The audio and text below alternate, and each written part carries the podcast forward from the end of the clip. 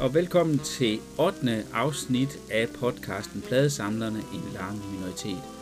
Jeg hedder Nils Overgaard, og jeg er selv pladesamler.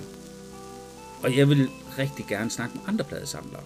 Så derfor har jeg startet den her podcast og rejser rundt og snakker med folk, der har den her samme skønne interesse som jeg. I dag skal jeg besøge en, som jeg faktisk allerede fra starten af var, var en af dem, som jeg allerhelst vil snakke med. Det er Katrine Ring. Katrine Ring, hun er, hun er DJ, hun er radiovært, øhm, og det er også noget af det, vi kommer til at snakke om i dagens podcast. Men der er også det her med, jamen jeg kan jo lige så godt sige det, der er ikke ret meget diversitet i, øh, i pladesamlerverdenen. Der er rigtig, rigtig, rigtig mange mænd. Øhm, og det, det ligger nok meget til mænd at være samlere. Jeg tror ikke, det, det er sådan en ting, som kvinder gør på samme måde, og det er der helt sikkert nogen, der kan komme med en eller anden øh, psykologisk forklaring på, hvorfor mænd er mere samlere end kvinder. Men i hvert fald lige her, og det interessante er så, nu, jeg bliver lige nødt til at sige noget. Det er egentlig grunden til, at jeg vil snakke med Katrine Ring. Det er ikke, fordi hun er kvinde, og vi skal have noget diversitet i det her program. Nej, Katrine Ring, hun er en af dem, der jeg ser helt vildt meget op til. Jeg synes, hun er mega sej. Altså det, det har, for det første har det jo selvfølgelig noget at gøre med, at hun er DJ og spiller noget af den musik, som jeg synes er den fedeste. Hun er øh, DJ på, øh, har sin, sådan en klub øh, aften en gang om måneden på Søhesten, det hedder Boogie Nights, hvor de spiller øh, den her genre, øh, boogie, som jo øh, sådan er lige efter disco, og så er sådan en disco-funk øh, ligger i den der. Og det gør hun sammen med en anden DJ, der hedder Frank Ryle. Det kommer vi også lidt ind på i programmet. Men så har hun for eksempel også et, øh, et radioprogram, der hedder Natsværmeren, som er mere øh, klassisk musik. Men også rigtig meget over i jazzen. Øh, da vi talte sammen, der stod hun overfor at skulle afsted til øh, Tværsted Jazzy Days, hvor hun skulle være DJ øh, for dem. Vi kommer ind på noget omkring det her med at være DJ, det at, at, at, at have pladerne, hvad er det for nogle plader, man samler på, øh, de mange forskellige øh, genrer, som egentlig øh, interesserer hende. Og den musik, som vi taler om, den er der jo en øh, playliste, du kan gå ind og, og, og bagefter og høre. Den hedder Pladesamlerne, øh, Katrine Ring. Prøv at søge på det på Spotify. Nå, men interviewet det foregik faktisk øh, hjemme ved Katrine i hendes øh, lejlighed i øh, København, hvor hun har boet siden hun var 18. Og der er jo selvfølgelig mange plader rundt omkring øh, i, i, i lejligheden. Øh, det hører sig ligesom til, når det er sådan, at man øh, har noget med plader og musik at gøre. Så velkommen til 8. afsnit, og ikke mindst velkommen til Katrine Ring. Nå, men, men når det er sådan, at øh, jeg snakker med folk, der er pladesamlere, ja. så, så er jo tit sådan den, øh, altså hvordan det startede. Ja. og det kan jo altid, det er jo altid sådan lidt, øh, hvornår fik man sin første plade-agtigt. Nej, det, det er måske også med det der med, hvor der er sådan, at det stak lidt af. Hvad var det, der gjorde, at det stak af? Ja. Ja. Og, og først og fremmest, ja. velkommen til min podcast. Yeah! ja. Men, men hvordan stak det af øh, for dig? Hvordan startede det der med, at du ligesom kunne mærke, at der var noget med plader og, og skulle have nogle af dem og have, have mere end en. Altså, man kan jo bebrejde Danmarks Radio for meget. Men det her vil jeg nu ikke bebrejde Danmarks Radio for. Jeg var jo en af dem, der blev øh, interviewet øh, som et af de nye talenter, man gerne ville have ind på, på Danmarks Radio øh, på P3. Og det er så i begyndelsen af 80'erne, og der startede jeg så i 82. Og øh, når man så begynder at lave pladeprogrammer på P3, så begynder man altså også at få en hel masse plader. Og øh, jeg havde på det tidspunkt, der var jeg 22 år, der havde jeg ikke en pladespiller. Eller en gramofon, som man kaldte det dengang. Øh, jeg havde faktisk slet ingen plader. Altså jeg havde da selv lavet en, øh, fordi jeg var medlem af et band, øh, som havde udgivet en plade øh, øh samme år. Men jeg havde ikke nogen pladespiller at, at spille den på. Og der går så nogle år på Danmarks Radio, hvor jeg så bliver ved med at få en masse plader, men jeg kan stadigvæk ikke høre dem. Og så køber jeg altså simpelthen mit første anlæg. Og, øh, øh, og det, øh, Og det havde jeg så i nogle år, men på Danmarks Radio, der tjener jeg også en helvedes masse penge, fordi jeg lavede rigtig mange programmer, og jeg fik rigtig mange plader, så på et tidspunkt sagde jeg, nej, nu køber jeg simpelthen, det har så været slutningen af 80'erne, der køber jeg simpelthen Technics hi-fi anlæg, som var sådan et byg selv anlæg, hvor man simpelthen kunne sige, her vil jeg have en CD-afspiller, her vil jeg have nogle pladespillere, her vil jeg have en, øh, en, en, en, en EQ, og her har jeg en forstærker, og så kunne man simpelthen bygge sådan et tårn, øh, og det kunne så blive højere og højere. Og jeg havde også kassettebånd øh, maskinen på i, i det der tårn. Men, altså, men jeg var, jeg, på et tidspunkt blev jeg også spurgt af pladeselskaberne, om jeg helst ville have CD'er, som jo var det nye øh, der i 80'erne, øh, eller om jeg ville have, om jeg, eller om jeg hellere ville have plader. Og så havde jeg jo så lige købt mig en pladespiller på det tidspunkt, så jeg ville helst have plader. Det der moderne, det troede jeg ikke så meget på. det var bare noget forbigående. Det var noget forbigående, ja. og det var det jo ja, så det var også. det jo så. og så i slutningen af 80'erne, så begynder jeg så at tænke på, det kan godt være, at jeg skal lave noget andet end, end Danmarks Radio hele tiden. Fordi der skete nogle forskellige ting, som gjorde, man ville for, for eksempel begynde at stoppe med, øh, at man bare kunne lave plade, øh, pladeprogrammer. Man ville gerne indføre playlister. Øh, jeg havde mødt nogle af de der dedurdrenge, jeg havde mødt Kim Schumacher, jeg havde mødt Kenneth Bager, og jeg blev, involveret i hele, den der, det, hele det der klubliv øh, omkring øh, koma og om, om øh, øh hele hiphoplivet omkring øh, øh, i, i både København og DMC, øh, som var sådan en DJ-organisation osv. Alt det der synes jeg var sindssygt spændende, og jeg begyndte selv at spille plader også udenfor Danmarks Radio, og så begyndte det jo altså at gå galt med at købe plader. Og jeg købte sindssygt mange plader, fordi jeg havde jo hele tiden brug for nye plader. Og jeg havde jo ikke nogen. Og det var også nogenlunde rigtigt, bortset fra, at jeg også fik, jeg ved ikke hvor mange anmelderplader fra Danmarks Radio. Øh, fordi det gjorde man dengang. Så øh, jeg endte med, jeg tror altså allerede i begyndelsen af 90'erne, der havde jeg jo altså jeg ved, flere tusind plader, ja. som jeg stort set ikke havde betalt noget som helst for.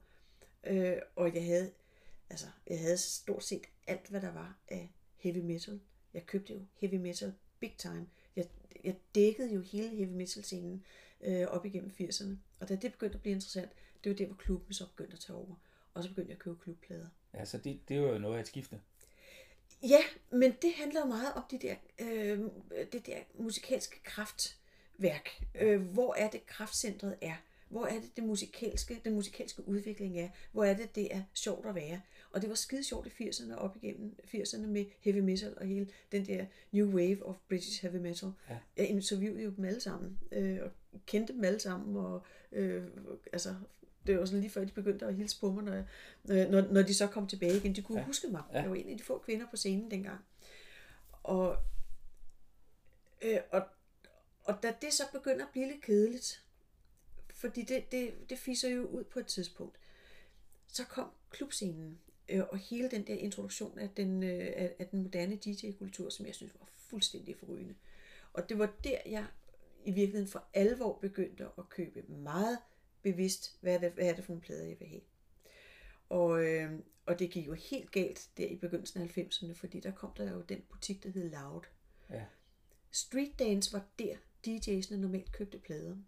Øh, men, øh, og det var sådan, altså, sådan en, en pige der, skulle da ikke komme der og, og købe en plade. Så nogle gange så havde jeg så fundet en plade, som jeg, som jeg vidste, den her, den var virkelig fed. Og så var der en, der så lige tog den ud af hånden på mig og sagde, nej, den kan du ikke få, fordi den er altså blevet bestilt af en anden en. Og så, og, og så stod der en fyr derhen, han skulle så have pladen der. Og jeg tænkte, nå, okay. Jeg var ellers først, men altså... Og ja. det skete altså nogle gange. Og det gør jo så også, så gider man jo ikke komme i sådan en pladebutik mere. Så jeg tog sammen med, øh, jeg tog over og blev fast kunde hos det, det der hed Loud, som lå i en, i en kælder i, var det Knapostræde, tror jeg det var, ja. og i København. Og der lagde jeg rigtig mange penge. Jeg tror, det var altså op til 30.000 om året, men jeg tjente rigtig mange gode penge på B3. Ja. Så, så, så du kunne sagtens finansiere det Så jeg kunne sagtens finansiere ja. det. Ja, men det er jo øh, det er sjovt, for Loud, den har jeg nemlig, den har jeg været i, i det har været i slut 90'erne. Jeg tror faktisk, det har været sådan noget ej, det... Ja, det begyndte i begyndelsen af 90'erne, øh, mener jeg. Ja. Øh, Og jeg render bare som så mega fed. ja, det var fantastisk. Det der med at gå ind og så købe noget, som jeg egentlig ikke rigtig vidste, hvad var, og Ja. så komme hjem, og jeg har det stadigvæk i Ja. dag. Ikke? Jo. Jamen det er det. Ja. Altså, og jeg vidste, at øh, øh, Carsten Laut, han var rigtig god til at sælge mig plader. Men Ole, som, som stod dernede, og som var en af ejerne, han var den værste. Fordi han, han, han præsenterede mig for alle mulige plader, som han sagde, den her, det er lige dig. Den her, den kan du godt lide. Og så stod jeg så der med 20 plader, og så siger han, "Hvad- jamen, jeg, jeg kan jo ikke, jamen, stol på mig, siger han så, du får brug for dem alle sammen. Nå jamen, så købte jeg dem. Jeg havde jo Ja, pengene, ja. så købte jeg dem. Og der er ikke en af de plader, som ikke har været det værd. Nej. Jeg har dem stadigvæk. Ja. Han var fuldstændig, han havde de der, det var, der var simpelthen 100% øh, øh, øh, fejlfrit køb der, Ja. køb der ikke? Så det har været nogle af de der klubting i, Ja, i, det har været i- klubtingene. Ja, Ja. Og maxi-singler, Ja. meget af det, ikke? Altså som, som øh, Ja. men vel også nogle plader, som hvis du vender tilbage til dem i dag, så kunne du godt bruge nogle af dem. Jeg bruger dem stadigvæk. Ja, du dag, bruger dem ikke? stadigvæk. Ja, Ja. det er, altså jeg kan se for eksempel hele den der acid jazz bølge, hele den der, øh, øh, også med rare grooves og sådan noget, som der var Ja. i, i, øh, det, øh, i begyndelsen af 90'erne, så om, også omkring øh, jazzscenen og sådan noget, øh, i, i- især i England, øh, at, at, at de plader, de vender jo tilbage igen og igen. De numre vender tilbage igen og igen. Øh, mange boogie-numrene, som man spillede dengang, dem spiller jeg jo til Boogie Night i dag, som er, er, er, er min klub sammen med Frank Røhle på, på Søhesten. Øh, øh, men, det, men også meget ofte, at, at det er nogle af de der lidt off-numre, øh, som vi ikke spillede dengang, men hvor, hvor man så siger, det er så de der nummer to eller nummer tre eller nummer fire numre på ja. pladen, som pludselig bliver aktuelt, fordi så er der måske en film, som bruger et nummer, øh, lige præcis det nummer fra, øh, fra den der plade. Ja. Men så har man jo pladen. Ja. Hvis man skal skaffe pladen, altså, er man altså sikkert besvært, det kan blive. Ja. Ja, Så der kan du gå i arkiverne, og så, så Ja. ligger det, så har du det. Ja. ja. det er det. Og, og, og nu kommer vi ind på det, det, det er jo det, der er rigtigt, øh, når man samler på plader. Så er det jo, hvordan, øh, hvordan opbevarer du dine plader? Hvordan har du, altså, Ja. jeg har dem. Et eller andet sted, Ja. ja. det ved jeg. ja, øh, ja, altså du tænker på, hvordan man katalogiserer og sådan ja noget. sådan ligesom kan, hvordan har man til at stå? Har man, Ja. Så har du alle dine øh, funkplader til at stå sammen, eller Ja. så har du øh, et eller andet, Ja. eller, Altså, jeg har jo i snart 10 år haft Boogie Nights, og der spiller vi jo boogie-plader og disco-funk, øh, og, og, og, det der, øh, og det der læner sig op af. Ja. Altså det vil sige, der er også nogle parlamentplader for eksempel, som vi, kan, som vi spiller samtidig med. Nogle, der der er nogle enkelte hip-hop ting, som vi også spiller øh, ind i, i, øh, i, i, i det koncept. Og der har jeg simpelthen altså, øh, ja, lige i øjeblikket er det pakket ned i kasser, fordi jeg øh, er ved at renovere. Men ellers så har jeg altså en, simpelthen en hel væg fyldt med, med plader, udelukkende til, den, til det formål. Så har jeg mine jazzplader, som jeg også har samlet. Øh, og det er straks lidt mere vanskeligt, fordi, øh, at det, fordi det, det er så både bossa og beboppen. Øh, og, øh, og hvordan er det nu lige, at de ting hænger sammen? Øh, og det kommer an på, om det er lounge eller om det er til dans. Ja. Øh, men, men det har jeg så samlet i et stort. Og det er også der, hvor der er nogle af de her forskellige sange, som, som jeg faktisk også bruger i andre sammenhænge. Altså, altså der er de der overlap ja. hele tiden, og det er ja. det, der er, det er det, der, det er det, der skaber rod. Ja. øh, så har jeg øh, også, altså, så har jeg jo min heavy metal samling, men den er meget nem at afgrænse. Den er, den, den, den er simpelthen der, hvor den er. Men det er sådan, det er en periode. Det er en periode simpelthen, ja. ja. Og så jeg har der, også det, det er 80'er heavy det, det er metal. 80'er heavy metal, ja. ja. Øh, det, det, som var Ja, den forrygende periode simpelthen. Ja, Ikke?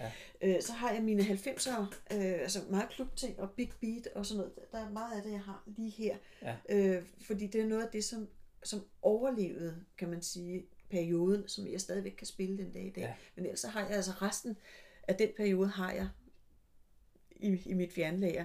Så har jeg Danstop. Ja. Øh, som, der har jeg jo en hel samling simpelthen af Danstop, øh, og det har jeg samlet igennem rigtig, rigtig mange år.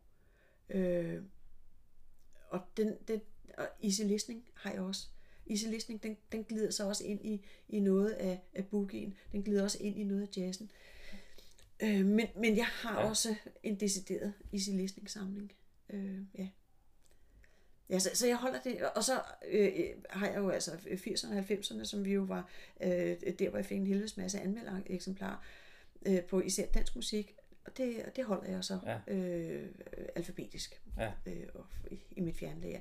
Det bruger jeg ikke så forfærdeligt meget af. Bortset fra, at der altså så lige inden for boogien, og når jeg så laver festarrangementer, så, øh, så, så er der altså nogle, nogle af de danske ting, som, som, øh, som glider ind over, og hvor jeg så kan, kan lave en lille dansk afdeling med det, eller lige spille et enkelt øh, dansk nummer, som passer skide godt sammen med ja. noget, noget jazzfunk, ja. eller hvad det nu ja. skal være. Ikke? Så du har sådan nogle, der er nogle forskellige, du, du har egentlig sådan nogle samlinger i samlingen. Ja. Der er ja. sådan nogle ting, hvor der er sådan, at det går du efter, ikke? Altså, ja. så det vil sige også, hvis du falder over et eller andet med en dansk topplade, som du ikke har, så, så, så køber du den. Ja, ja. Den, den, ja. Der er sådan ligesom en... Ja. ja. Og dansk top er faktisk et, en, en, at det er sådan gaven, der bliver ved med at give. Øh, fordi øh, der kan simpelthen være nogle numre, som er man kender dem jo ikke. Øh, øh, og, og, og, og nogle gange er det de der, øh, altså de der top 10 hits, ja ja, det er fint nok, men prøv lige at vinde pladen, så er der altså simpelthen, altså jeg har lige fået øh, øh, Ulla Pia med Stop, mens lejen er god, som var den, hun, hun deltog med i Melodi Grand Prix for, og, og vandt med for mange år siden. B-siden er i virkeligheden det, som er guldet Dansen Bossa for mig, eller med mig. Okay, øh, som ja. er en vidunderlig sang. Ja. Øh, og som er så fin og skrøbelig. En meget, meget fin, fin bossa. Dansk bossa i 60'erne er helt vidunderlig. Ja. Øh, øh, og den har jeg så endelig fået af en anden DJ, som vidste, at jeg ledte efter den. Ikke? Ja. Ah, ah, men altså, hun reddede mit ja. liv den, ja. den aften der. Jeg var simpelthen så, ja, ja. jeg var virkelig taknemmelig over, ja.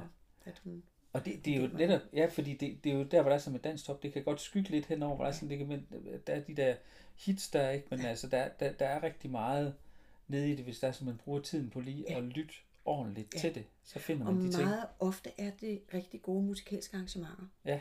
Det der med dansk top, det der, det der grundlagde min samling, det var, at øh, jeg havde lavet noget med Måns Landsvig. Og Måns Landsvig, han var jo programmedarbejder på Danmarks Radio. Han øh, vidste alt om, øh, om operette, for eksempel, og så var han gammel bassist. Øh, og som gammel bassist, der havde han altså spillet i alle mulige forskellige sammenhænge. Han var en del af et af de der faste øh, øh danske orkester, ja, som der fandtes. Ja. Øh, og, øh, og de havde så blandt andet også spillet øh, til øh, som backing, været, været, været med som backing band for, for mange af de her øh, danstopsangere. Og, øh, øh, og, og hvor jeg tænkte, Øh, altså, da, da, han fortalte det, så sagde gud, hvad, hvad, hvad, hvad var det for noget? Ja, han havde sådan en helt samling. Han var jo ved at rydde op, og i øvrigt så skulle han da lige til at smide det væk. Ja, men kan du så ikke smide det hen hos mig? Så jeg fik altså, jeg tror, jeg ved ikke, hvor mange indkøbsposer fyldt med singler. De var ridsede, og der var sand i, og du ved, alt noget, som der altid kommer i, i en kælder. Ja. Men det grundlagde simpelthen hele min øh, samling med, med, med dansk top, og der er nogle af de mest fantastiske ting i, ja. i, i, i, og, i den samling. Og det er de ting, som der, der sådan fra 60'erne, ja. hvor der er sådan, ja. ja. Og det er jo også mange af de musikere, som, som man jo også, der er også nogle af dem, der er jazzmusikere. Ja, ikke, for, ja, ja. ikke fordi der er noget, der er finere i det, Nej. men det er bare nogle af de der musikere, som... De er bare skide dygtige. Ja, som, Rigtig mange af dem. Ja, sindssygt altså, gode ja, håndværkere. Ja, ikke? Jo, Altså Bjarne Rostvold øh, er, ja. er, tromslærer ja. er jo et rigtig godt eksempel på ja. det. Kåre Norge, som, øh, nej ikke, øh, øh, øh, var det, han, han var også programmedarbejder, Kåre. Øh, han var guitarist ja. øh, og spillede, øh, han, han hed Erik Kåre, det var det han hed. Han var guitarist ja. øh, og, øh, og havde lavet nogle rigtig, rigtig fine ting. Øh, altså, jeg mener, der, der, man kunne ikke andet end bare knus elske de der versioner, ja, som der blev ja. lavet. Nogle gange blev det jo købt øh, øh, bånd ind med, med, med back, som backing tracks, øh, og så sang man sig ind over. Ikke? Men, men, men ofte lavede man jo sine egne ja. øh, fordi, øh, sine egne øh, optagelser, fordi så havde man jo copyright ja. på det selv. Ja. Og, og mange af de der ting er jo skide gode. Altså fremragende hornarrangementer, og, øh, og man kan bare høre, at altså, det svinger simpelthen. Ja, ja. Ja så der er, en, der er en god ting der omkring dansk top. Ja. Og så tænkte jeg, skulle lige prøve tilbage til det her med jazz-samlingen, ja. fordi det er også en sjov ting, fordi du, når du taler om mig sådan med dine plader, så er det også sådan, det, det er jo det er noget, du bruger. Ja, det er ikke? Altså, som tager ud som DJ og sådan noget, ikke? Ja. Og, og man kan sige, der, der er jo nogle jazzplader, tænker jeg, dem kan du nok aldrig rigtig tage med ud og bruge Nej. som DJ. Det er, det er nogen, der er lavet til noget andet. Ikke? Altså, jo, altså der, der er nogen, de, de, de er altså bedst bare til at lytte og, og ja. blive kloge på og følge med i og, og, og, ja. og, og sådan noget. Ikke? Altså, øh, øh, samtidig med, altså jeg fik jo en samling. Øh, jeg, jeg er sådan en, jeg modtager samlinger. Altså der, der er nogen, der siger, at vi skal af med det her, det fylder for meget, øh, hvem kender vi, der kunne være interesseret ja. i det? Og så ringer de til mig og siger, kunne det, vil du ikke overtage min samling? Og så var der så en, som, som, som spurgte, og jeg vidste bare, at han havde en fantastisk samling. Altså det var jo, jeg ved ikke, hvor mange meter. Øh, og jeg proppede jo min bil, det var simpelthen sådan, jeg var nødt til at proppe den enkelte, altså de sidste plader, de blev sådan proppet ind mellem alle de andre plader i den der bil, ikke?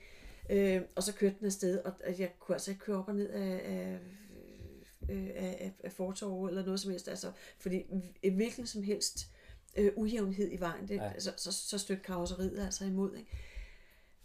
Og der fik jeg en kæmpe samling af japanske reissues af Blue Note-plader. Og det er jo altså de der 180-220 grams plader, nogle af dem. Ikke? Og sådan nogle, dem slæver man altså ikke rum på, fordi der er altså plads til måske 20 stykker i en taske, ja. og så vejer den altså som et ondt år. Ikke? Og det er altid gatefold, og det er, jamen det, det, det er fuld udstyr. Fuld udstyr, og ja. det fylder, og det lyder bare røvhammeren godt. Det var ja. virkelig gode produktioner, ja. der blev lavet. Dem har jeg en helvedes masse af. Ja. Øh, og, det, og det er jo her, hvor der er sådan, alle som hører det her nu, de, de tænker, det, så de sveden den pipler ja. frem på panden til, åh, oh, oh, det er jo, det kan næsten ikke blive bedre, vel? Nej, nej, altså, det, det, det, er, det er jo, Og altså, også en forbandelse, fordi man kan ikke slæve rundt på lortet jo, nej. altså. Så det er, jamen altså, det er, ja, ja, ja hvad skal man stille op, ikke? Men jeg lytter til det. Ja. ja. Ja, så det, det er sådan mere nogen, der, der er som lytteplader. Ja. Men det er også, igen, der bliver det også sådan lidt, det er praktisk også, fordi de kan være lidt bøvlede at have med og sådan ja. noget. Øh, men der er jo også netop, når så man, man skal, øh, når man samler på plader, og man har det her med funktionalitet, man kan bruge dem til noget, så er der også andre plader, som man, man køber sådan til at, for lige at lytte, og, og måske netop også sådan lige samler lidt op, og så ser, hvad der sker hen ad vejen. Ja, ja det gør man. Altså, og, og, det er jo, og de plader er sindssygt svære at slippe af med igen, fordi dem har man investeret ret meget tid i, og man har investeret meget hjernespind i det. Mm. Man prøver simpelthen på at forstå, hvad det er, de, hvad det er, de er ude på. Øh, og øh, man kan sige, nogle gange så forstår man jo først pladerne, når de har lavet deres 4. og 5. plade bagefter. Ja. Øh, men så er det også en investering, som er fantastisk. Den tager måske 10 år. Ja. Men hvis man har mange af den slags projekter... ja, det er sådan, du oparbejder noget. Ikke? Så, altså, jo, ja. altså, og man investerer også ja. en, en, en, en, øh, altså, sin følelse i det og alt muligt. Altså, ja. Et rigtig godt eksempel i øjeblikket, for det er øh, øh, hele den der gruppe omkring øh, Johannes Wangberg og Ollie Wallace, som, som, jeg, som jeg har fuldt fra starten af, øh, og som altså, og, og hvor de jo gør noget, som man ikke normalt ville gøre i en jazz-sammenhæng. De bejler til popmusikken, og de bejler til den der cheesy, smooth jazz, øh, som, som ingen mennesker kan lide, undtagen når de lytter til det. Øh, men, men de vil i hvert fald ikke helt være ved det. Nej. Det er sådan en guilty pleasure-agtig ting. Men de her unge fyre, de har åbenbart nogle referencer, hvor de ikke har den der modstand mod det. Nej. Og hvor de, øh, øh, og hvor de toner rent flag, men de har også deres egen tidsreferencer, som de refererer til, fordi de har den alder, de har. Og derfor så opfatter de også musik anderledes, ja. end vi gør, ja. som har de der 20, 30, 40 år øh, mere på banen, end de, end de har. Ja. Og det er helt vidunderligt at få, øh, hvad skal man sige, ligesom øh, få, få ens forestillinger kastet om kul og vendt 180 grader. Ja. Og det er faktisk det, som for eksempel Vamberg og, og, og Wallace de gør. Ja øh, med, med, med, med nogle af deres blade, altså Otto Otto og øh, Tabloid ja. og, øh, øh, og, og Wallace på, på hans øh, øh Chet Baker ja. plade. Ja. Ikke? Ja.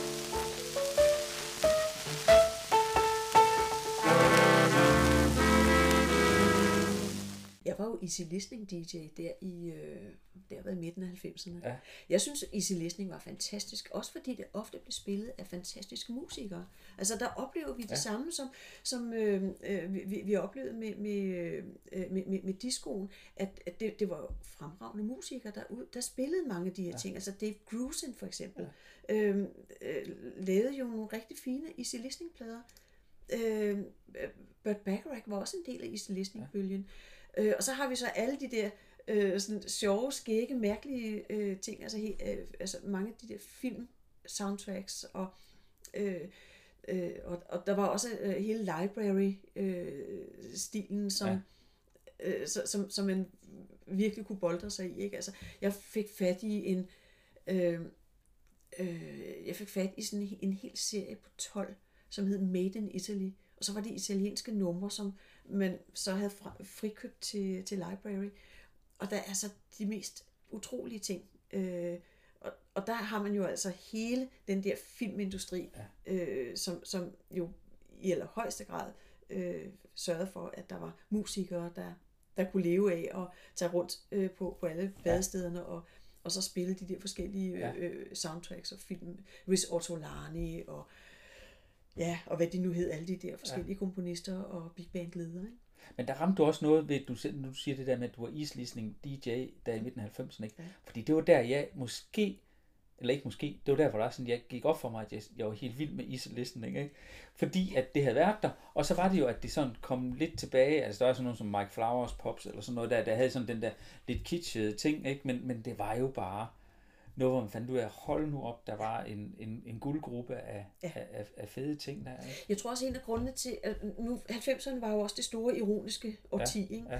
Øh, og det var også der, hvor Master Fatman kom frem. Ja. Og, og, og, og, og, altså, og, og det var sådan, hvis bare man havde distance til det, så var det Ja. okay at tage det til sig. Ja. Ja. og det var sådan noget mærkeligt noget. Men, men, men, men der synes jeg, at, øh, at der havde jeg så lært det af danstoppen, øh, at det simpelthen var en del af min historie. Ja. Fordi jeg kan huske danstoppen, da jeg var barn, øh, og at man lyttede til det, øh, når, når det var på radioen, og hvem var nu nummer et, og, og kom Bjørn Tidemand nu også på det lokale øh, marked øh, til sommer, og, øh, og alt sådan nogle ting. Så det, det var en, en del af vores hverdag, en del af vores historie. Og så derfor har jeg aldrig haft den der, jeg har aldrig haft- haft den der distance til danstoppen. Øh, og da jeg så begynder at opleve det der med easy listening, der oplever jeg den samme øh, position, som folk tager, at øh, det er fedt nok, men vi, altså, vi, vi kan godt lide at høre det, men, ja. Men vi laver alligevel den der ironiske distance ja. til det. Og der kunne man som DJ, der var man simpelthen nødt til at tage det alvorligt, og simpelthen sige, det her det er faktisk fedt, Ja. og det her det præsenterer man, øh, og vi tager det seriøst. Og det gjorde, at der simpelthen var, øh, jeg synes simpelthen, vi, vi, vi fik skabt en tyngde i opfattelsen af, hvad easy listening kunne. Ja. Og vi blev brugt i alle mulige forskellige sammenhænge, altså til øh, biografpremiere og til øh, receptioner, og jeg ved ikke hvad. Altså lige pludselig opdagede, de- øh, opdagede man også, hvad DJ-funktionen kunne i forhold til musik. Ja. Øh, som, som var noget andet end bare det at stå på et diskotek, eller bare bare, ja. Fordi det er ja. også et hårdt arbejde, Ja. men altså at stå på et diskotek og så, øh, og så spille top 40. Ja. Øh, så, så easy listening havde også en, en funktion i folks opfattelse af, af musik, Ja. øh, og i folks brug af, af musik. Ja.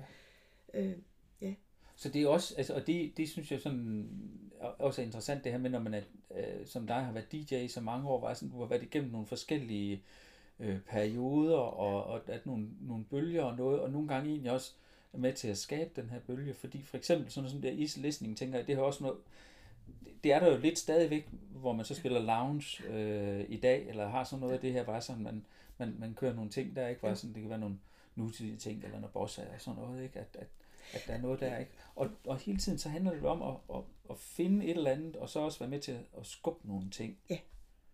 Ikke? At, at, at der Jeg har noget, spillet sammen med rigtig mange DJ's, øh, hvor, øh, hvor, øh, hvor vi har også lavet rigtig gode koncepter.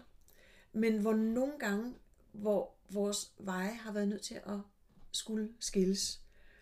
Fordi der er nogle af de her DJ's, der har sagt, jamen jeg spiller det, som folk gerne vil høre. Og der har jeg altid sagt, og det er jo så også det der med, at jeg er opdraget på Danmarks Radio, at vi skal give folk det, som de ikke vidste, de faktisk godt kunne lide. Ja. Og Øh, og jeg synes altid, man skal overraske. Jeg, og jeg har altid haft den der, øh, så kan man godt sige det sådan lidt pædagogisk, den opdragende effekt øh, af, af et publikum, at de skal simpelthen bare have, de skal simpelthen overdænges med, med, med, med, med, med god musik, også selvom det er noget, de ikke kender. Og det gør jeg jo stadigvæk den dag i dag. Ja. Altså, jeg har stået og spillet fusionsjazz i, øh, her for et par dage siden til Kulturnatten, øh, øh, fordi det øspæs regnede, så tænkte jeg, at folk skal simpelthen have noget, altså der skal simpelthen noget gas i den, ikke? Øh, så, altså, så jeg spillede jazzfunk. Ja. Folk elskede det. Jeg kunne ikke have gjort det på en solskinsdag. Der ville folk have sagt, ej, altså skru lige lidt ned fra charmen der, ikke? og spille noget bossa i stedet ja. for. Ja. Der, der passede det, og det er det med lige at tage chancen og ture gøre ja. det. Ja. Det, det, vi, øh, det vi snakker meget om, øh, vi, det vi gjorde dengang, det var, at vi brød jo faktisk med de rammer øh, i 80'erne, som man ellers havde gjort som DJ. Øh, hvor man sagde, jamen altså, to hurtigere end langsom. Det var noget, man gjorde ja. på diskoteket. Ikke? Øh, så var der en anden ting, hvor man sagde, jamen, vi, skal lige se, hvad, hvad er nummer et på den her uge? Ikke? Og så lyttede man øh, på Radio Luxembourg der. Ja. Var det fredag eftermiddag eller lørdag formiddag eller sådan noget lignende. Og så vidste man, hvad for en plade man skulle købe øh, så man var parat til weekenden og sådan noget. Ikke? Altså, men der gik vi jo i virkeligheden ud over det koncept. Og så sagde vi så, at vi spiller måske ikke nødvendigvis øh, altså, øh, top 40, vi spiller eklektisk. Det var sådan et, et, et udtryk, der kom med, med, med, med hele den der jazzscene, DJ-jazzscene ja, og acid-jazzen. Nej, man spillede eklektisk. Og det betød, at man spillede et jazznummer, så spillede man et øh, soulnummer, så spillede man et instrumentalnummer, så spillede man et vokalnummer, så spillede man noget, der var hurtigt, noget, der var langsomt, noget, der var... Øh, og, og så kunne det godt være, at man så kunne spille altså et Donovan-nummer ind midt i det hele, fordi det så lige præcis havde det der groove, ja. Ja. Som man, hvor man så kunne gå over til Burt Bacharach, og så kunne man så spille øh, noget, øh, et eller andet, øh, altså soul to soul, eller hvad det nu ellers var af, af forskellige ting. Og den der musikalske blanding, altså den der The Melting Pot, det er jo en DJ, den moderne DJ-kultur, som faktisk griber ind der øh, og begynder at, at, at, at sige, at vi, vi, øh, vi vil gerne noget mere musikalsk, eller vi, vi kan noget andet musikalsk, ja. rettere sagt. Ikke? Øh, og det gav altså en, en større bredde for forståelsen af, hvad musik var, ja. og hvad musik kunne. Og det, det der, øh, det, det, det der Øh, øh, vingefang, det der brede vingefang, det synes jeg er fuldstændig fantastisk. Ja. Og det vil sige, der kunne man altså spille et teknonummer, og så kunne man lige tage et samba-nummer bagefter. Det er 140 bpm begge dele. og det passede så fint, ja. ikke? Altså, ja. øh, og, og, og, og den viden, den kunne man jo så bringe over i alle mulige ja. andre sammenhænge. Ikke? Og det er det, jeg synes, det, nu, det er jo her, det bliver interessant, når sådan netop, at, fordi du jo, du jo også, altså du er både pladesamler og DJ, ikke? Og det, men man bliver jo nødt til at være brede det rigtig meget ud, ikke? Altså man har interesser mange forskellige steder. Der er, no, der er noget, som er interessant. Ikke? Altså man kan, man kan måske have et eller andet, man synes ekstra meget om, men der er også det der, og der er også det her. Ikke? Så, så den der nysgerrighed på, på, på forskellige ting, ikke? som, som noget, som vi slet ikke har nævnt her, det er jo også, at du har altså, natsværmeren programmet, ikke? Jo. og der er meget klassisk musik. Det er jo øh, primært øh, et, ja. et, et, et ja. DJ-klassisk program. Ja. ja. Så, så, så vi, vi, vi kommer næsten hele, hele vejen rundt. Ikke? Ja. Men det, som jeg tror, det handler meget om for, for dig, ikke? altså udover, som du selv siger, at der er noget, der kører 140 beats per minute, ikke? Så, så, så er det stadigvæk noget med det her med at skabe stemningerne. Ja. Hvordan, sådan, hvordan kan man bygge noget op her, og, og hvad er det, der passer til, til den her, hvor vi er, som du selv siger, når du står inde, og det regner til kulturnatten, så er det det her, der passer ja. dertil. Og folk, der har hørt det, de vil aldrig glemme det, fordi det var lortevejr. Ja. Men der var 20 graders varme, øh, så de stod ikke og frøs. Øh, det blæste godt nok, men, men, men de frøs ikke. Øh, og det gjorde, at øh, de, altså, kroppen var varmet op, og de ja. kunne altså de kunne give sig hen til det der, den der solo. Ikke? Ja. Øh, og jeg synes, jeg, jeg synes altid, man skal skubbe den. Ja. Man skal altid gå lige lidt videre, ja. end, end, end folk lige havde troet, ja. at de ville. Øh, fordi det lønner sig i sidste ende. Ja. Man får også nogle gange nogle ting for det, og, og, og nogle gange så bliver folk altså også sure. Øh, men, men, men, men, øh, men altså, jeg synes, man kan komme afsted med meget, hvis man så siger, men altså, det er de plader, jeg har med i dag. Ikke? Altså, jo, jo. Og man finder også meget hurtigt ud af, hvordan man ligesom afparerer, ja. øh, når folk bliver sure. Ja. Øh, Men altså, jeg vil så sige, at i dag, der har jeg jo altså simpelthen, jeg har altid skilt med, hvor der står no requests. Jeg, jeg, jeg, jeg overgår det ikke. Nej. Og jeg overgår ikke at have, have mobiltelefoner stukket op i hovedet. Nej. Det, den, den, det, det, det vil jeg bare ikke. Nej. Det er uhøfligt. Ja. simpelthen. Ja, fordi at, at, at du er, altså det, det er dig, der er hyret til det her, og så Ja. der ligesom ligger der Ja. en, en, en, aftale ja. mellem dig og arrangøren, men Ja. så spiller vi det her ja. nu, ikke? Og ofte spiller jeg jo steder, hvor der ikke er en entré. Så Ja. det vil sige, det er ikke den enkelte gæst, der er der, der har betalt for, at jeg skal komme og spille. Nej. Det er arrangøren, der har betalt, og det er ham, jeg har en aftale med, Ja. eller hende. Ja. Ja. Øh, men, men, men det kan man jo ikke diskutere med folk, når, når, når de står midt i den 28. bajer, ikke? Altså, øh, så det er noget med simpelthen at være, altså, ja, ja, ja der, der er alle mulige afpegningsmanøvrer der, ikke? Det er rigtigt. Ja. Jeg har, jeg har nogle gange brugt den, hvis der er sådan, jeg har været ude og spille sådan en partyjob, og så de kommer op og ønsker noget, som jeg, der er simpelthen ting, som jeg virkelig ikke bryder mig om, Ja. ikke? Så, så siger jeg, ja, den, den skal nok komme, ikke? og så kommer de op lidt senere, og så siger jeg, "Men den har jeg spillet. Fordi de er som regel så fulde, så de kan ikke huske det. Jeg har hørt en historie om en DJ, som, som øh, øh, havde en notesbog, hvor der var skrevet en hel masse titler på, ikke? Og, og, øh, og, og så øh, øh, øh, var der så en, der var kommet op og sagde, "Jamen, kunne du ikke spille den? Siger, jo, det skal jeg nok, siger han så. Og så bladrede han ellers i den der notesbog, og så skrev han den op. Og så kunne vedkommende jo godt se, gud, og har du så mange ønsker allerede? Så, ja, jamen, de, jeg tager dem efter tur. Ah, men det der, det kunne jeg altså så godt skyde ned pinde efter. Jamen, det er, der er simpelthen, Ja, hvor man lige bliver nødt til Ja, at ja. finde vej ud, ikke? jo, jo. så man kan bevare den gode stemning også, så den ikke bliver Ja, alt for olden, ja. jo. Ja, ja, nå, men også fordi, ja. at, at øh, øh, altså folk gør det jo ikke for at genere, Nej. og folk gør det jo ikke for at være vemmelige eller, Nej. eller sådan noget lignende, så de skal heller ikke skilles ud. Nej. Men, men det er bare ikke alle, der ved, at øh, jamen, altså, man, man kan godt stole på en DJ, ja. man kan godt stole på, at der, der er altså nogen, der. Ja. der godt ved, hvad det er, de laver. Ja. Ikke? Øh, og så kan det godt være, at du ikke lige kan få lov til at høre Rihanna lige her nu, men du har den på din mobil, så du kan ja. tage hjem og lytte den derhjemme. Lige præcis. Det er jo det. Og, og, og det er netop der, altså det er jo der, Ja. man er ikke en jukebox. Nej, nej, nej, Altså, nej. så- så- men, øh, så ja. Men altså, men i virkeligheden må jeg så sige, jeg, jeg samler jo faktisk ikke på plader. Nej, det er jo det, det, det, er jo det der er Ja. en ret interessant ting, ikke? Fordi det, det er jo sådan lidt det her med, om man samler samler, eller, eller hvad er det? Nej, for dig så er det jo en... Jeg samler musik, Ja, fordi jeg, når jeg kan høre noget, jeg tænker, ah, det der, det kan jeg måske bruge til et eller andet.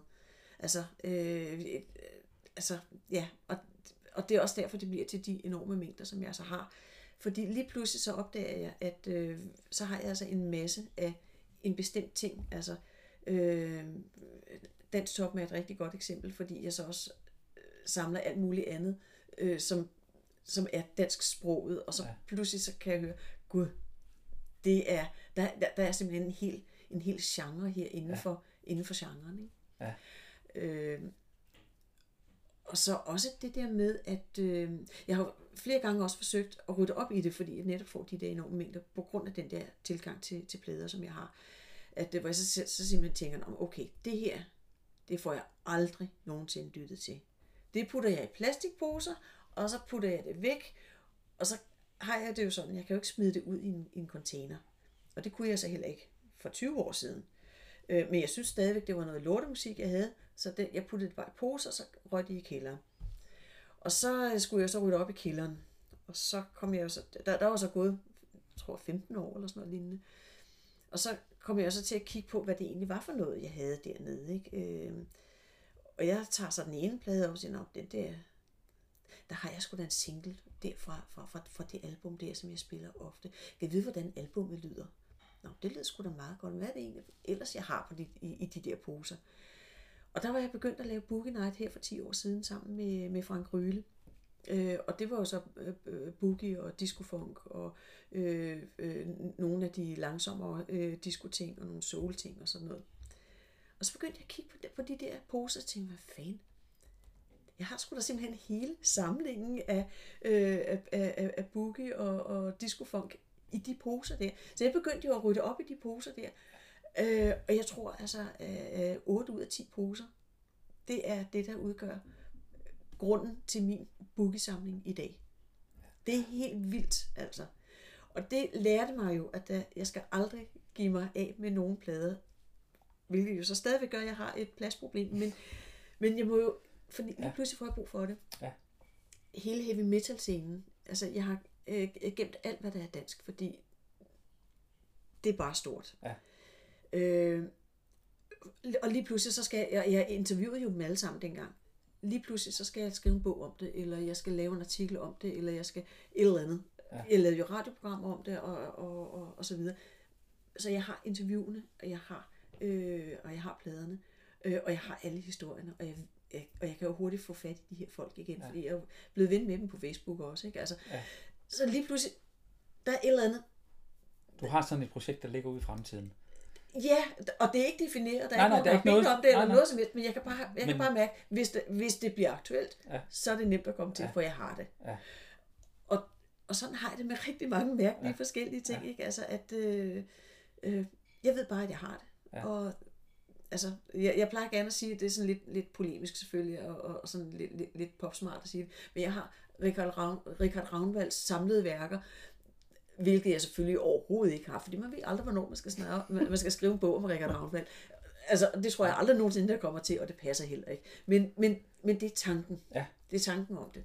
Ja, der, er en, der er en mulighed i det, og ja. der er et eller andet der, hvor jeg sådan, så kan man... Ja så kan man tage den. Dansk jazz. Ja. Altså, jeg har gemt alt, hvad jeg har fået gennem tiderne. Ja. Og det er enorme mængder. Ja, ja det er jo massivt. Det er, er virkelig massivt, og jo, ja. altså lige nu, der kører det jo fuldstændig vildt derudad. Ja.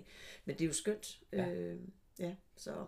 Ja, og det er jo vel også noget, altså hvis man sådan set, nu har jeg sådan beskæftiget mig rigtig meget med det sådan i de sidste, tror jeg, 20 øh, år, altså med dansk jazz, hvor jeg virkelig sådan har, eller siden, ja, siden starten af nullerne, ikke? Og i den tid, så er der bare sket sindssygt meget. Og nu kan man sige, selvfølgelig, når man nu samler du ikke på plader, men du har dem så, men, men der er der kommet rigtig meget vinyl jo i de senere år, ikke? men ellers så også før det, så har det jo været CD'er, ikke? Og, og det, der kommer jo konstant noget. Og, og inden for klassisk og inden for jazz er CD'erne jo stadigvæk øh, gangbart materiale. Ja, det, er jo ja. det, det, det, er jo, det er jo det, der er formatet, det er det, der er enheden, ja. som man sælger i. Øh, jeg har gemt alle mine CD'er, og jeg har dem ikke i en kælder, jeg har dem oppe i min egen stue. Ja. Og de er altså gemt væk bag et kæmpe maleri. Og jeg har 24 fiskekasser ja. fyldt med, med CD'er, og det er ikke i de der øh, hårde, metal, øh, hårde plastikbokse. Jeg har sat dem i, i øh, øh, øh, blødt, øh, det er ikke PVC, men, øh, men, men, men, men det som ikke giver vinylpest. Jeg tror ikke, det giver vinylpest Nej. til CD'erne, men, men altså... ja, men de er stoppet i dommer, så de, de er, fylder de, ikke så meget, så men de er en, en tredjedel. Ja. Jeg har tre for hver ja. øh, øh, plastikboks der. Ja. Ja. Øh, og, og, og, og der har jeg så de fleste af CD'erne. Jeg har også nogle CD'er et ja. andet sted, men, ja. øh, men, men der er jo det ved det, og det, det er igen det der med, at jeg samler ikke på plader eller, eller CD'er, men jeg samler på musik. Ja.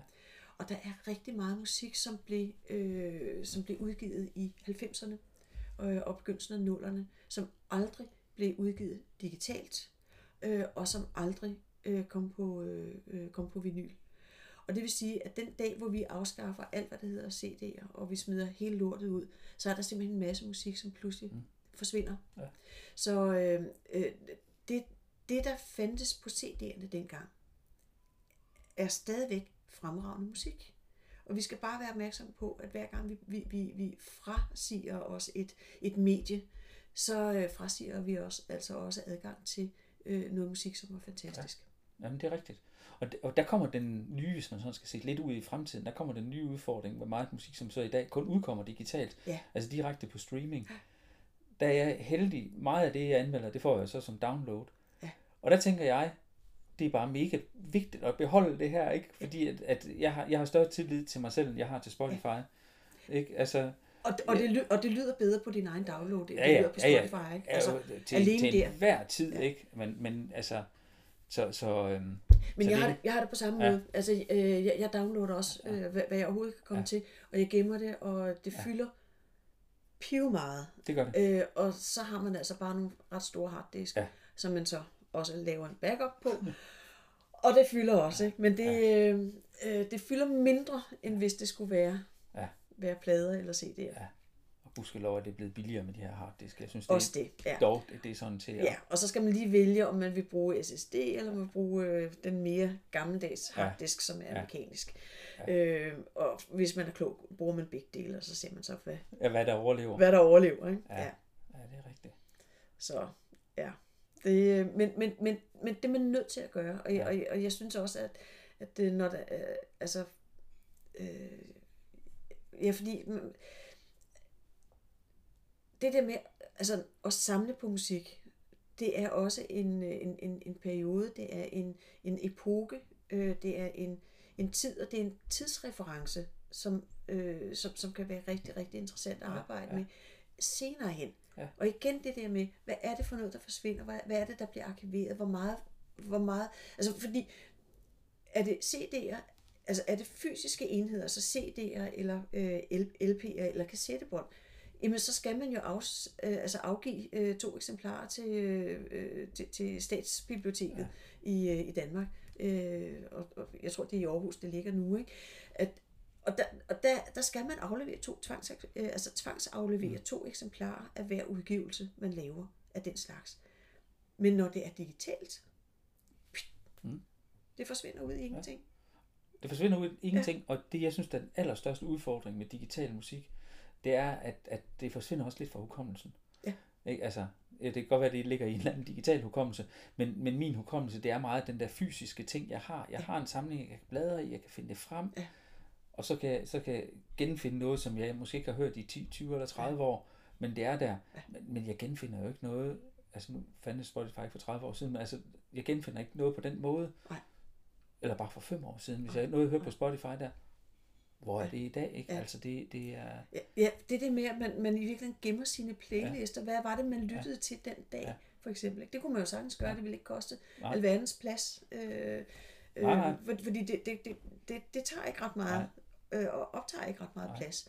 Men, men det er, altså, altså jeg har jo også øh, sådan nogle øh, regnehæfter med, med, med, øh, med rækkefølger, som jeg, som jeg lavede øh, hvad for nogle numre spillede jeg efter hinanden. Ja. Jeg optager med jævne mellemrum min egen DJ-sæt, fordi det, det er også der, hvor jeg kan se, hvad, hvordan har jeg lavet de der rækkefølger, ja. hvordan, hvordan har, har overgangene været, og, øh, og sådan noget. Ikke? Altså, I dag, når jeg arbejder digitalt, så bruger jeg øh, øh, Recordbox, og der gemmer den jo på historien, så man kan se, hvad er det for nogle numre, man spiller efter hinanden, hvordan, øh, hvor, og så må man så gætte sig til, hvordan man har øh, hvordan man så har mixet dem sammen, ja. så har jeg så nogle, nogle, nogle, øh, nogle sæt, som, som jeg så optager en gang imellem. Ikke? Men, men, men, jeg, men det er rigtig sjovt at se, at øh, det, det man gør i dag, øh, det, altså for fem år siden eller for ti år siden, der gjorde man noget andet, man arbejdede på en anden måde. Min rækkefølge og min måde at afvikle på er også forskelligt, alt efter om det er plader, eller om det er digitalt, eller om det er CD'er. Ja. Nu havde jeg fornøjelsen af at, at, at lave nogle CD øh, arrangementer for, øh, øh, for Københavns Museum øh, her sidste år. Øh, og se der, der arbejder man altså bare anderledes med det, end man gør med det digitale, selvom det er meget ens. Ja. Men, men det er altså bare forskelligt. Ja. Altså, man arbejder bare forskelligt med tingene. Ja. Og, det, og man vender sig lynhurtigt til, at der er hjælpemærker på, øh, på, på de der digitale udgivelser, men det er der ikke på CD'erne. Ja. Så der skal man til hele tiden huske, hvor, lang, hvor langt er forspillet. Er det 12 sekunder, eller er det 18 sekunder? Og man kan ikke se det på waveformen, fordi den er ikke tydelig nok. Okay. Og, jamen altså, man, man er nødt til simpelthen hele tiden at udvikle og, og, øh, og, og, og, og, og lege med musikken, for at få det, øh, få det til at, at, at løbe rundt. Ikke? Ja. Ja. Men det er jo også der, hvor der er sådan, du så i hele tiden jo skal bruge ørerne. Fordi man siger, når man for eksempel bruger vinyler til, til DJ, så kan du kun bruge ørerne. Altså ja. det er den eneste måde, man kan, ja. man kan køre man ind kan på. Ikke se det. Nej, der er ikke noget der. Altså, man kan måske nogle gange se på, på hvad det hedder, på... Gorillernes... Ja, ja, hvor, hvor, hvor, hvor, hvor meget er der ikke også? Ikke, ja, men ellers, så er der jo ikke meget at hente. Altså, så er det jo bare... Og, og, og man skal kende sine numre, når man ja, spiller vinyl. Ja.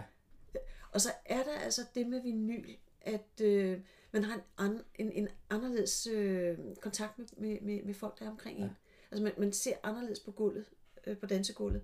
Øh, men man står ikke med, med, med snuden nede i, i en, øh, i en skærm, og, og man står ikke hele tiden og drejer på hjulet for at finde det rigtige nummer og sådan noget. Ikke? Altså, det er en meget fysisk ting. Man tager pladen ud, man sætter den på, på, på pladespilleren, man øh, hiver øh, pick rundt i de forskellige skæringer, og så nej, det var på den anden side, så vender man lige det, øh, og så rundt med pick igen, og så skal man lige lytte ind, og så skal man lige lytte, hvordan passer kan man beatmixe den ind ja. over den næste plade, eller øh, øh, hvordan er det nu, når der, den starter på tre, og øh, og skal starte på årslaget, øh, og, og ikke på træslaget, som jeg ellers troede. Og, altså, du ved, så man ja. hele tiden kan, kan, kan holde gryden i kog, som man ja, siger. Ja. Øh, det, det er en helt anderledes måde at, at, at arbejde med tingene på, og det er noget, som, øh, hvor jeg tror, det er nok der, hvor jeg får de fleste samtaler med folk, det er, når de, øh, når de ser, hvordan jeg arbejder med vinylerne. Ja. Øh, fordi folk, de spejler sig i det, ja. og siger, gud ja, jeg kan også huske dengang. Ja. Og så har de altid en eller anden historie. Ja. Ja.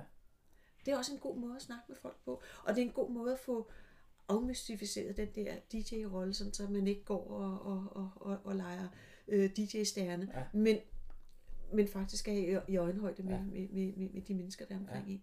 Det er en fantastisk ting ja. med vinyler. Ja, og det det, du spiller mest i dag, det er mest Ja, vinyler. jeg tror 70-80 procent ja. af mine øh, jobs, ja. det er med vinyler.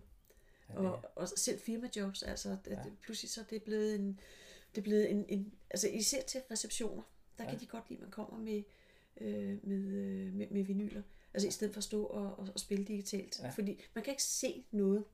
Og så, så kommer folk, Åh, hvem, hvem er det nu, det er, det der? Altså, ja. Øh, ja, så skal jeg lige hen og kigge på skærmen, for det kan jeg altså aldrig huske. Altså, altså øh, øh, ja, jeg, jeg, kan, jeg, jeg, jeg har det der, men jeg kan ikke ja. huske titler og navne Nej. og sådan noget. Ikke? Altså, med vinyler, der er det meget nemmere. Ja, så siger man, jeg har en rød, en rød plade, og det, jeg ved, det er side 2, på sk- ja. altså, og så er det skæring 3. Ja. Der er et fantastisk nummer. Ja. Hvad det så hedder, og hvad gruppen hedder, og sådan noget. Nej, jeg ved bare, det er den, jeg skal have den røde plade. Ja. Det er den røde plade, det drejer sig om, ikke? den med den røde kopper. Ja. Øh, og så bagefter kan jeg så sige, nå ja, selvfølgelig, det er ja. jo så pleasure, eller hvem det nu ja. ellers er. Ikke? Ja. ja. ja. så det, er det er godt. Det er de der memoteknikker, ja, man også ja, ja, med, med, med, med, med, med, alt efter om det er plader, eller det er digitalt, eller, eller ja. hvad det nu er. Ikke? Ja, lige præcis. Ja. Så når der er sådan man, øh, en, en stor ting for det her med, når man øh, har plader, nu har vi nævnt, nu nævnte du Loud, hvor der er sådan, der købte du rigtig meget af. Ja. Hvad, hvad, hvis vi skal tage i dag, hvor, hvor, øh, hvor, hvor kan du bedst lide at købe plader? Eller? Det jeg allerbedst kan lide, det er, jeg har nogle bestemte butikker, hvor jeg altid tager ned. Og jeg vil ikke sige, hvad det er for nogen. og det er ikke Københavnsområdet. Nej. Jeg kører stort set aldrig plader i København. Nej. Øh, jeg har altså jeg går meget på, øh, på loppemarkeder, øh, dødsboer og, og sådan noget. Ja. Øh, der kan jeg ofte finde nogle ting. Øh, måske mere for 10 år siden, fordi det var der, hvor, hvor øh, de genrer, som, som, som jeg interesserer mig for, det var der, hvor ja. de øh, der var der nogen, der havde været unge engang, og hvor deres forældre så er døde, og så har forældrene så, øh, og, og med, med, med, med forældrenes død, så opdager man så også de her øh, pladesamlinger, som så skal sælges. Ja. Og der kan man godt finde nogle rigtig, rigtig sjove og gode samlinger. Ja. Øh, men ellers så har jeg, øh, jeg har ser en, en, en, en enkelt, som er min yndlingsbutik, og har været det i de sidste 10, 12, 15 år. Øh, og der går jeg ned i kælderen, og så er der singler, og singler, og singler, og singler. Og det tager mig altså, jeg er på besøg, øh, ja, måske ja, syv, otte gange i løbet af et halvt år. Ja. Øh, og så bliver der skiftet ud i singlerne, så kan jeg jo begynde forfra. Ikke? Og det har været en fuldstændig forrygende oplevelse at, at blive en del af den butik der. Ja. Altså, det elsker jeg virkelig. Ja. Øh, og så er det også, jamen, og så får jeg jo mange samlinger. Ja. Ja. Øh, altså folk, der ringer til mig og siger, vi er ved at rydde op. Er det noget, du kunne tænke dig at, ja. at kigge på? Og så nogle gange, altså når, når de siger samlinger, så tænker jeg, åh oh, gud, hvordan øh, skal jeg nu ud og, og, og skaffe nyt, nyt rum, eller øh, er det Sjurgård, ja. eller Sjurgard, eller er det Pelikan, eller hvordan, ikke? øh, og så kommer de altså med 20 plader, men det var samlingen. Ja. Og, og, så, så man skal også lige ja, ja. spørge ja, lidt ind til, hvordan ja. omledes. Øh, men, oh, ja. jeg bliver nødt til at spole tilbage nu, ja. for du sagde noget med singler. Ja. Der er noget med det her med singler. Fordi når jeg sådan, altså som du siger, det, det, og, og det, det tager uh, gud jammer det lang tid at grave igennem sådan nogle singlekasser. Og, og... Der er meget lort. Ja, det er, ja. der er så meget lort, ikke? Skønt. ikke? Men det er også lidt det, der er fedt. Det kan jo. godt være, at man har gjort igennem hele den der, typisk sådan en klodskast, der, ikke? Der, der var ikke noget, så går man i gang med den næste. Og, og, og okay. og så lige pludselig så finder man sådan en lille en stime, og så, Ja. og det, og det er lidt det, det der med, der er med, med, med singler er jo, er jo, er jo også en sjov ting, ikke? Det er Lego. Det er rent Lego. Ja, der er så meget i, Også fordi, at, at øh, og det er igen det der med, at man, man leder efter noget bestemt, og lige pludselig så kan man godt sige, okay, nå, nu kommer alle Peter Belli-singlerne mm. op. Øh, og så midt i de der Peter Belli-singler, så kommer der lige pludselig den italienske plade, jeg har let efter. Ja. Og så tænker jeg bare, altså det er de endorfiner, der ryger igennem ja. kroppen på en. Ja. Det er jo fuldstændig vidunderligt. Øh, i, her i vinter, der øh, havde jeg en oplevelse af, jeg, jeg, jeg, Jamen, der, der, der havde, havde de lige fornyet, øh, der, der havde de skiftet det hele ud. Øh, og så kom jeg derned, og så kunne jeg godt se, at det her, det, altså, det blev vildt, ikke? Så jeg tror, jeg købte 200 singler. Og jeg har stadigvæk altså nogle af dem, som jeg ikke er kommet igennem endnu. øh, og det er altså snart et år ja. siden, ikke? Men så var der en, øh, en enkelt single, som... Øh, øh, og meget af det kommer fra Tyskland. Så meget af det er sådan nogle tyske tyske tryk og, og øh, tyske udgivelser. Men det skal man altså ikke kimse af, fordi der er rigtig mange amerikanske øh, øh, luftbaser i, øh, i Tyskland. Og mange af de amerikanske soldater, som var i Tyskland, havde jo amerikanske plader med hjemmefra, eller sørgede for at få dem sendt dertil. Så Altså, så hvis du finder noget, der er, hvor der er nogle, nogle, nogle, øh, noget amerikansk sort musik på, tag det alvorligt. Og jeg har så købt den her single, som jo så var en af de der, der kostede 5 kroner stykket, eller et eller andet. Ikke? Øh, og, øh, og så tænker jeg, det, det lyder sgu da meget godt. Det er sgu da faktisk et fedt nummer. Og så siger jeg, nå jamen, altså, jeg spiller det. Og så spillede jeg det på øh, Boogie Night, og så Frank Ryle, han siger så, hvad, altså, der gik 10 sekunder, så siger hvad er det for et nummer, du spiller? Og siger, ja, men det er sådan et, øh, jeg tror, det er sådan noget, der er udgivet i Tyskland, altså det er sådan et eller andet. Øh, ja, siger han så, den havde han aldrig hørt. Han er ekspert på området, og han samler plader. Ja. Altså, han er, og han bruger rigtig mange penge på det. Øh, den der var han aldrig stødt på. Og så siger han så, ved du hvad, jeg fotograferer den lige. Det er en af de få plader af mine, han har fotograferet. Han har meget bedre plader, end jeg har. Øh, så, så han fotograferede den, og, og så begyndte han så at tjekke den, og så kiggede han ud på Discogs, og så siger han så, du ved godt, den koster 750 kroner, ikke? Og så siger nej, det ved jeg ikke. Jo, siger han så. Og siger gud, jamen, og jeg har ikke plader, der koster noget. Altså, jeg har ikke Nej. dyre plader på den måde. Altså, jeg køber ikke dyre plader. Øh, og jeg køber ikke på grund af værdien. Jeg køber, fordi musikken er god. Ja, musikken er god. Den. Jeg skal bruge den simpelthen. Den skal ja. kunne ridses og alt det der. Ikke? Og så pludselig tænkte jeg, gud, altså jeg tænkte, gud, jamen, jeg tør næsten ikke røre ved den, fordi nu er det jo en 750 kroners plade. Og så lod jeg være med at tage den med de næste to gange, og så, og så Frank siger, spiller du ikke din plade? Så, men jeg har ikke taget den med, fordi nu er den jo noget værd. Ej, du skal da spille den. Så, jamen, jamen, det er dig selv, der har sagt. Stakkels Frank. Nå, men, og så tænker jeg, nej, kraftedeme, jeg, det er jo ikke, jeg har jo ikke givet 57 kroner for den. Jeg har givet 5 kroner for den, og jeg har musik, fordi det skal bruges. Det skal ja. spilles, og det skal deles med andre. Ja. Og så begyndte jeg så at spille den. Og den er jo helt fantastisk. Så fandt han så ud af, at der senere var blevet lavet, faktisk helt sommer, at der blev lavet et reissue, øh, som allerede nu øh, koster næsten lige så meget som, øh, øh, som, som, øh, øh som, som min plade okay. gjorde. Ja. Så, øh, og, og, ja, så han købte den altså så bare fordi det er... Ja, ja han skulle have den så. Ja, den koster så bare 50 ja. kroner, eller 60 ja. kroner, eller hvad ja, ja. den nu koster, ikke? Ja. For at af. Det er interessant. Det, det vi skal, og det har jeg jo egentlig ikke sagt, men det, vi skal jo lave en... Der er jo ikke musik i det her program. Mm. Vi snakker bare. Ja. Men så laver jeg en playliste bagefter. Ja. Ud fra noget af det musik, som snakker om, eller noget ja. af det, som, som, som ligesom også kendetegner det, du står for. Sådan ja. noget. Og der kunne vi jo sige, der kunne den jo godt Det kunne den sagtens, ja. Hvis den ja. findes for eksempel på Spotify. Ja, det kan jo nogle gange ja. være, være en udfordring. Ja. Ikke? Det, det, er jo, så, ja. Der er jo en del, som man ikke finder der. Men ja, ja. Noget af det. Ja, ja. Men det er også med, at det kan give folk lidt en idé om, ja, ja, hvad retning, ja. hvor, hvor vi er henne. Ja, jo. Så, Ja, jamen det er jo, og det er jo der, hvor der er sådan netop sådan noget som singler, det er bare noget, der, der, der, der medfører nogle ja. rigtig gode ting. Så ja, det har jeg også et, en, en særlig kærlighed. Og jeg har, jeg har nemlig også en plade fra den, jeg går til, hvor der er sådan, jeg kan finde ja. øh, rigtig gode ting. Ja. Og, øh, og der findes også noget i Aalborg for eksempel, ja. og der findes, øh, altså der findes forskellige steder, og den, hvor man netop kan... den i Aalborg, ja, den. Den, den kan man godt nævne læsehesten. Øh, lige præcis. Ja. Der, der har jeg nemlig også fundet gode ting, fordi den er nemlig den er lidt anderledes, end hvis man går ud og leder efter blader i København. Ja. For der først så finder man nogle ting, og så er priserne også øh, af en anden slags. Ja. Og i det hele taget øh, også nogle folk, der er til at snakke med, der står bag disken. Ja.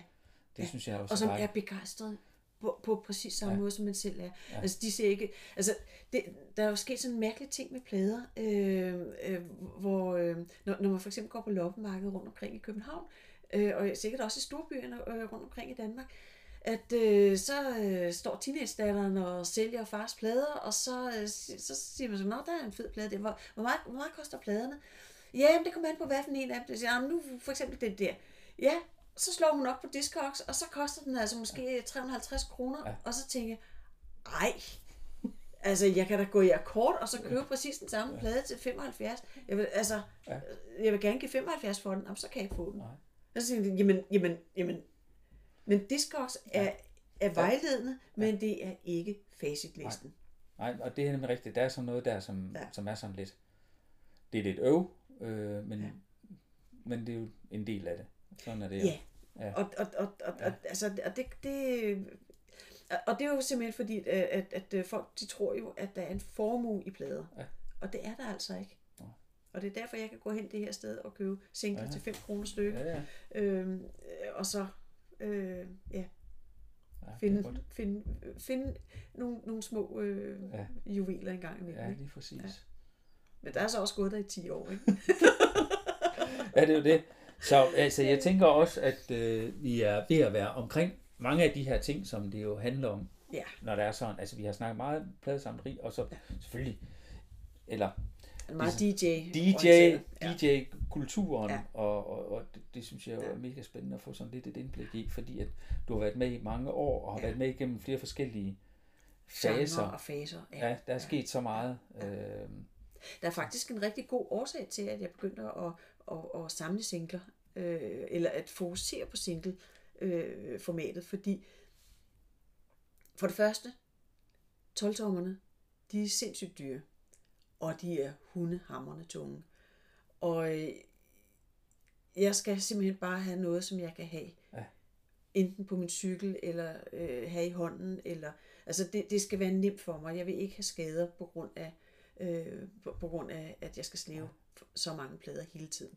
Selvfølgelig kører jeg også i bil nogle gange, men jeg skal altså også kunne have det på en cykel, ja. for eksempel. Eller jeg skal kunne køre i metro med det. Ja. Og så lige køre de der 300 meter eller 500 meter hen til et spillested, øh, uden at få ødelagt øh, ryg og hænder og hofter og ja. hvad der nu ellers kan ske med, med, med, med en, der skal slæve meget. ja, og det er jo der, at singlerne, så kan de noget. Der, der kan men, singlerne men- simpelthen noget. Og der er man ekstremt fokuseret på, øh, øh, på hvad skal man sige, hitpotentialet i dem. Ja. Men nogle gange så er det B-siden, der er de fedeste. Ja. Altså, øh, så vent lige den plade ja. der, og lyt på, på, på B-siden. Ja. Det, Ja. det er der, guldet ligger. Ikke? Ja, men det tror jeg, det skal måske det hele taget være udgangsbønden på det her, fordi det er lidt det her med, at man hører lige, hører lige en ekstra gang efter. Ja. Så, så, så finder man mange af de sjove ting. Men du kender også godt det der med, at øh, man har haft en, en, øh, et sæt, som man har haft ude meget længe, og så har man ikke spillet det måske i et par år eller tre eller sådan noget lignende. Og så tager man det samme sæt med ud, fordi man kan godt huske, hvad det er for nogle plader, man plejer at spille. Og så kommer man til at sætte en forkert side på, og så tænker man, what? Fantastisk nummer. Jeg har aldrig hørt det før. Hvorfor har jeg aldrig hørt det før? Øh, og på den måde, så behøver man heller ikke blive ved med at købe plader. Man kan faktisk genopfinde Ja, sin egen pladesamling ved at begynde at lytte plader, man ellers kender, synes man kender godt. når Tiden man, har, ændrer- ja, når man har en pæn plade, stor plade sammen. Ja, ja. ja. Man Så- vender lige bunken, og Ja, så sker der noget. Så er der noget. Ja. Rigtig mange tak for snakken, Katrine. Det har været super du. fedt. Ja, i lige Tak. måde. Tak fordi, at du øh, hængte med og, og hørte det her afsnit med Katrine Ring. Det har været rigtig fedt øh, at besøge hende. I næste afsnit skal jeg snakke med Ole Frostholm, som er øh, metalsamler af en øh, helt anden verden. Altså det er, og han har også en pladeforretning med Fisto Records. Nå, men det er først i 9. afsnit. Jeg er rigtig glad for, at jeg måtte øh, komme hjem og besøge Katrine øh, gæstfri. Øh, hun bød på en dejlig hjemmebagt kage, og vi fik kaffe. En fornøjelse. Og det er også en fornøjelse, at du har lyst til at følge øh, den her podcast med pladesamlere og deres øh, tanker og idéer om det her med, med musik og alt det, øh, det nu fører med sig. Tak for nu.